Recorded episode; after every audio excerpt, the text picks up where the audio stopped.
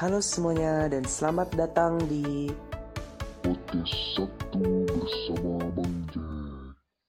Halo sobat-sobat kabut di Indonesia, bagaimana kabar hari ini? Semoga kita semua diberikan kesehatan dan juga ketabahan dalam menjalani masa-masa new normal di Indonesia terhadap pandemi COVID-19 ini. Di kesempatan kali ini, Bang Jack mau diskusi nih dengan kalian mengenai apa ya namanya tuh hmm, isu yang merupakan sebuah isu yang sudah lama ada di kalangan mahasiswa kedokteran gigi di Indonesia yaitu adalah isu mengenai peralihan kurikulum dari requirement based menuju ke competence based pada mahasiswa profesi kedokteran gigi. Nah, mungkin sebelum kita masuk ke pembahasan yang lebih dalam lagi, Bang Nick bakalan ngejelasin apa itu kurikulum berdasarkan requirement based dan juga kurikulum yang competence based. Jadi dari bahasanya sendiri nih ya, requirement based kan berarti berdasarkan uh, requirement atau kebutuhan atau adanya indikator-indikator tertentu yang harus dilalui oleh mahasiswa profesi untuk dapat dinilai sebagai kompeten. Misalnya uh, di bidang konservasi atau menumpat gigi itu biasanya kita diberikan acuan kalau kita sudah melakukan tindakan ini beberapa kali ya anggaplah 10 kali baru kita bisa dianggap kompeten atau kita dianggap lulus dari uh, bagian itu. Sementara kalau yang di competence based atau yang berbasis kompetensi itu berarti apabila kita dari yang contoh tadi ya, dari yang 10 tadi, apabila kita memang sudah dianggap kompeten oleh dosen pembimbing hanya dengan melakukan tiga kali tindakan, maka kita sudah lulus. Seperti itu mungkin gambaran secara umumnya. Nah, sebenarnya nih ya, yang namanya kurikulum pendidikan kedokteran maupun kedokteran gigi itu sudah diatur di pasal 25 Undang-Undang Nomor 20 Tahun 2013 mengenai kurikulum. Ya, nanti di pasal 25 itu di pokoknya di ayat 1 sampai ayat 3 itu nanti dijelaskan kalau semisalnya kurikulum di kedokteran maupun di kedokteran gigi itu dilakukan dengan tujuan untuk menghasilkan dokter gigi yang memenuhi kompetensi dan yang memenuhi yang memenuhi kompetensi untuk melakukan pelayanan kesehatan di tingkat pertama atau primer habis itu uh, memenuhi kompetensi khusus sesuai dengan pelayanan kesehatan di daerah tertentu dan juga pemenuhan kebutuhan dokter atau dokter gigi sebagai pendidik, peneliti dan pengembang. Nah, di pasal itu juga disebabkan nih uh, sebenarnya untuk pembuatan kurikulum itu itu sifatnya hmm, gimana ya dia omongnya? Sifatnya itu merupakan otonomi dari instansi pendidikan masing-masing. Asalkan nanti itu kurikulum itu selalu dikembangkan dengan prinsip diversifikasi sesuai dengan kemajuan ilmu kedokteran dan ilmu kedokteran gigi berdasarkan muatan lokal, potensi dan juga potensi daerah untuk memenuhi kebutuhan dokter dan dokter gigi.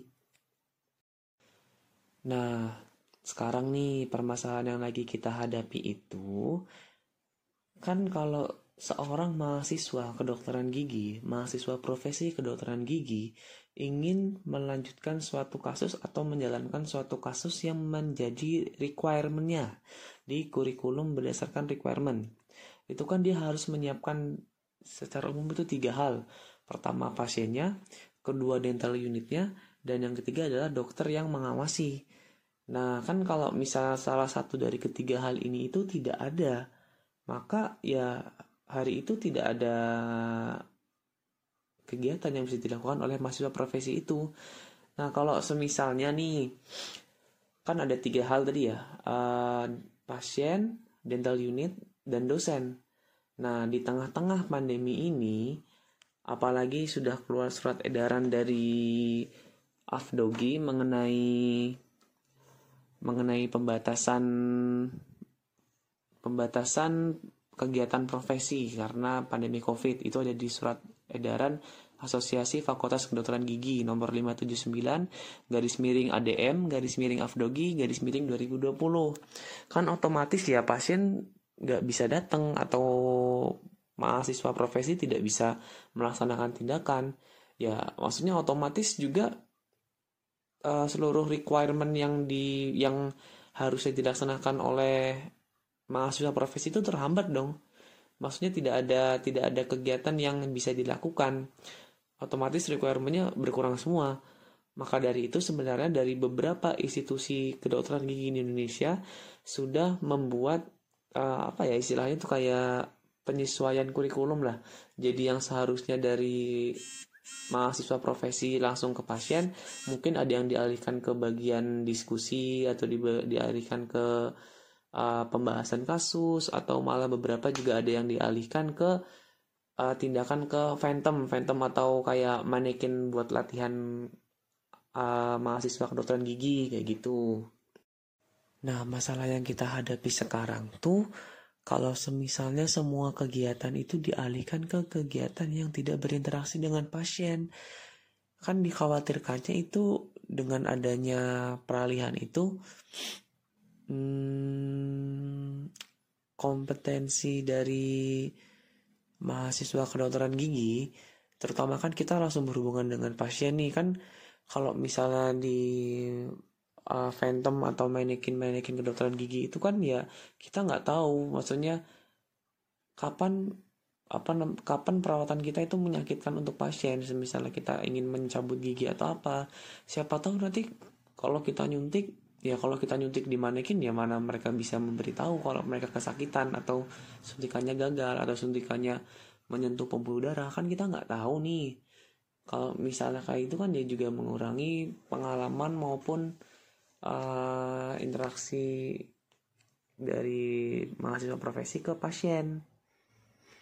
Tapi kalau dipikir-pikir lagi juga kalau misalnya diizinkan diizinkan aja ya bukannya malah membahayakan mahasiswa profesi dan juga pasien ya. Nah, isu ini sendiri itu sebenarnya sudah pernah dibahas dalam sebuah audiensi dari PSM KGI bersama dengan AFDOGI uh, dalam audiensi yang membahas terkait evaluasi pelaksanaan pendidikan kedokteran gigi di Indonesia pada era kebiasaan baru pandemi COVID-19 pada tanggal 3 Juli 2020 yang lalu dari pihak Afdogi sendiri itu menyebutkan bahwa akan ada bentuk penyesuaian rekrutmen untuk menghadapi kondisi saat ini dengan mengubah sistem penilaian pendidikan profesi yang sebelumnya kuantitatif ke dalam bentuk kualitatif melalui kompetensi based. Nah, beliau kan juga mengutip dari surat edaran dari Afdogi tadi yang mengenai pembatasan dan pedoman dalam melakukan kegiatan mahasiswa profesi di tengah pandemi otomatis kan kalau semisalnya kita mengalihkan sebuah kurikulum dari yang sistemnya kita harus melakukan beberapa banyak requirement ini dan kita singkat menjadi beberapa requirement asalkan itu sesuai dengan kompetensinya dan juga ada standarisasi secara universal ke seluruh mahasiswa kedokteran gigi di Indonesia itu sudah dianggap cukup. Seorang mahasiswa kedokteran gigi itu sudah dianggap kompeten dan sudah lulus dari bidangnya. Jadi, dengan adanya peralihan ke arah kurikulum yang berdasarkan kompetensi, pertama, kita sudah memenuhi anjuran dari pemerintah dalam hal membatasi kegiatan yang dapat meningkatkan infeksi dari COVID-19 ini, yaitu kegiatan ya salah satunya kegiatan mahasiswa profesi kedokteran gigi ini yang otomatis ya langsung bersinggungan langsung dengan aerosol atau cairan tubuh pasien yang dapat menularkan penyakitnya. Dan yang kedua itu kita sudah uh, istilahnya membantu mahasiswa profesi agar mereka masih dapat lulus tepat waktu. Dan kompetensi mereka masih terjamin karena mereka sudah dinilai kompeten dalam pelaksanaannya pun mereka juga sudah melaksanakan kegiatan tersebut ke pasien. Itu pun juga bisa menjadi sebuah momentum. Alasan mengapa mengapa peralihan kurikulum ini dapat dilaksanakan sekarang. karena adanya pembatasan itu, mahasiswa-mahasiswa profesi kan mengalami uh, kesulitan dalam memenuhi requirement dan kalau misalnya requirement itu diubah menjadi kegiatan-kegiatan yang uh, tidak bersinggungan dengan pasien ya dikhawatirkan juga nanti uh, apa istilahnya kayak pekerjaan mereka di lapangan itu berkurang pengalamannya mungkin jadi di dalam peralihan kurikulum ini kita bisa menerapkan kurikulum yang baru yaitu competence base. Asalkan sistem competence base ini sudah dikaji lebih dalam lagi, sudah diberikan pendalaman-pendalaman materi dan sudah diberikan adanya arahan-arahan yang jelas agar tidak terjadi subjektivitas dari penilai kepada yang dinilai. Kan kan kalau dalam proses seperti ini tuh rentan sekali ya atas subjektivitas yang namanya mahasiswa kompeten atau apa bisa jadi nanti seorang dosen itu uh, karena lebih prefer ke mahasiswa ini maka baru melaksanakan beberapa kali dia diluluskan. Tapi karena dia agak tidak suka dengan mahasiswa satu ini jadi dilama-lamakan dianggap tidak kompeten kan itu malah menjadi masalah baru. Oleh karena itu apabila kita memang ingin menjalankan kurikulum berdasarkan kompetensi ini, kita juga harus uh, membuat guideline atau aturan-aturan yang lebih jelas mengenai penilaian-penilaiannya dan juga dipublikasikan kepada seluruh uh, fakultas kedokteran gigi di Indonesia. Seperti itu. Dari tim kajian kami sendiri sudah pernah melakukan survei baik itu survei yang berdasarkan Google Form yang disebarkan ke seluruh mahasiswa profesi kedokteran gigi di Indonesia dan juga wawancara kepada beberapa tenaga pengajar maupun orang yang sudah memahami mengenai peralihan kurikulum ini.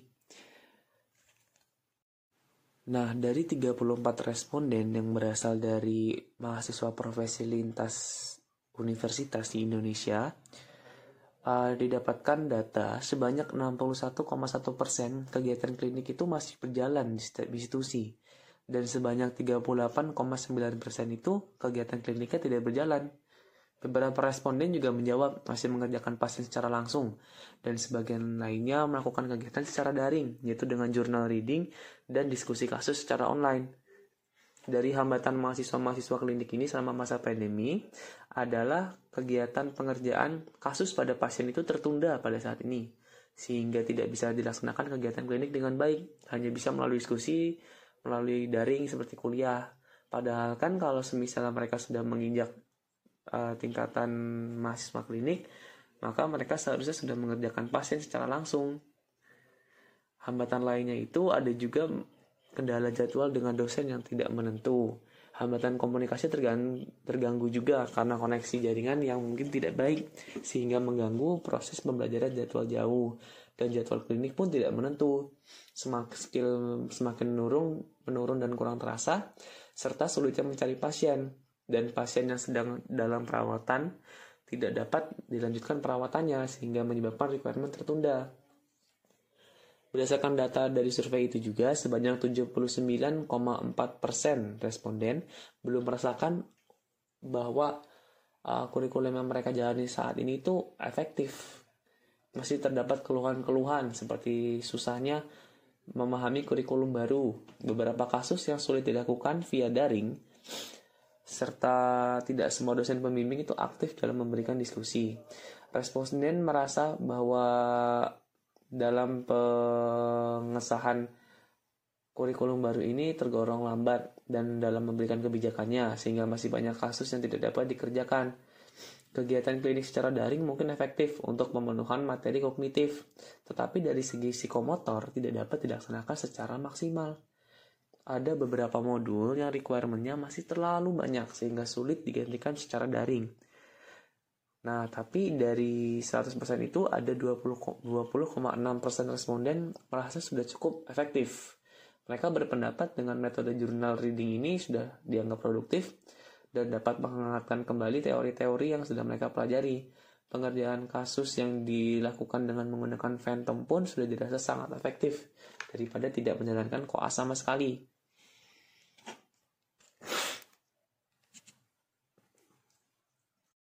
Beberapa kritik dan saran mengenai kurikulum yang sedang dijalani oleh mahasiswa profesi ini uh, berupa apabila kurikulum yang sedang berjalan ini menggunakan sistem online maka diharapkan diskusi yang telah dilaksanakan itu tidak diulang lagi ketika nanti sudah masuk ke dunia klinik lagi.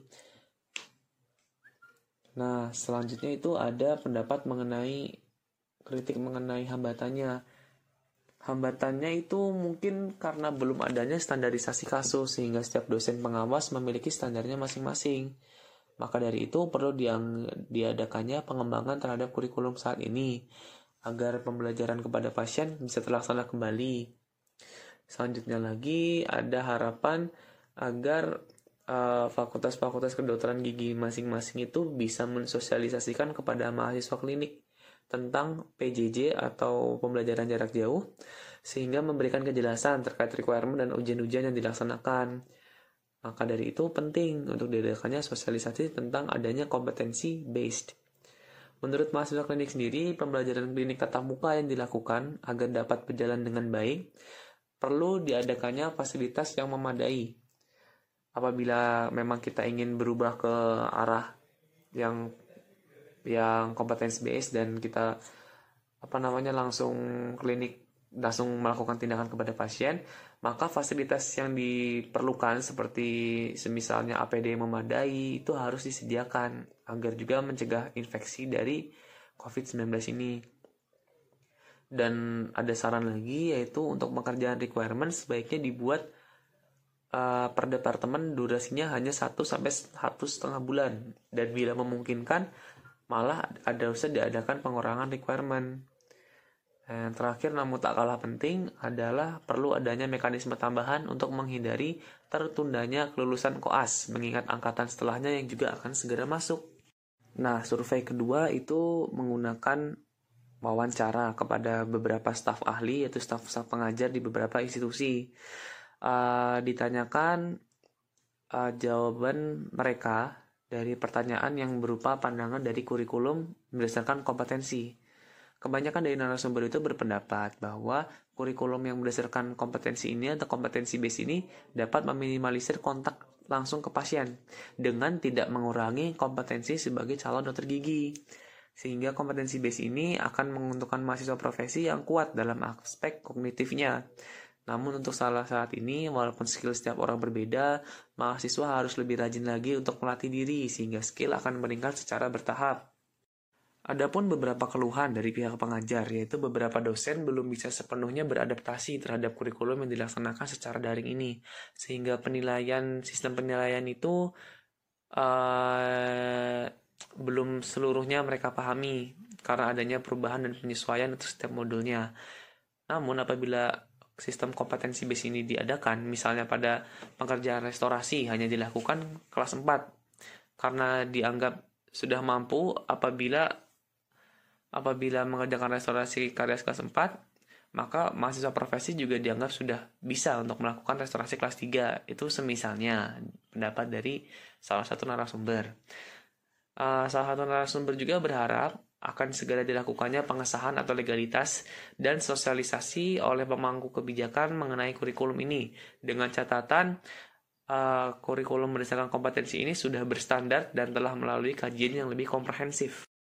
Ya mungkin kurang lebihnya seperti itu sih kalau dari pendapat Bang Jack pribadi mengenai adanya peralihan kurikulum dari requirement base ke dalam competence base dan terutama karena ini merupakan momentum saat tepat jadi dari Bang Jack sendiri ya ingin agar segera diadakannya kejelasan mengenai perubahan ini agar isu ini dapat dikaji lebih langsung dan agar sesegera mungkin dapat di terapkan dalam sistem pendidikan mahasiswa kedokteran gigi.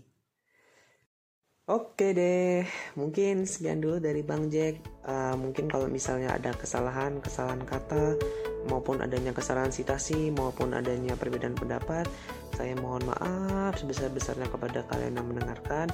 Dan mungkin dari kalian yang memiliki pendapat, bisa komen di bawah mungkin kita bisa diskusi sedikit dan bertukar pikiran mengenai apa yang sebaiknya kita lakukan menangani isu ini.